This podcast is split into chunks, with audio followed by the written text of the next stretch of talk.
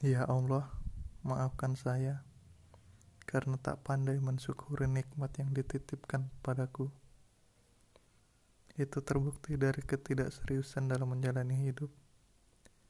Menyia-nyiakan anugerah dalam tubuh dan kesempatan hidup yang di hidup yang lebih baik. Indra yang digunakan secara tidak maksimal. Mata memandang dosa dibanding mempelajari agamamu. Tangan dan kaki tak mendekati perintahmu. Telinga yang lebih sering dengar gosip dibandingkan firmanmu.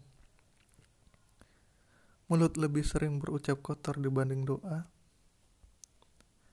Hati dipenuhi kedengkian, otak penuh kekotoran, bahkan sampai lupa, lupa mengingatmu. Ah, mungkin neraka bersiap, setan tertawa, dan segala hal ini ketika di akhirat kelak sudah tidak sabar mengeluarkan unek-uneknya selama menempel padaku. Astagfirullah. Itu baru soal yang ada pada diri. Belum termasuk harta, waktu, dan lain-lain.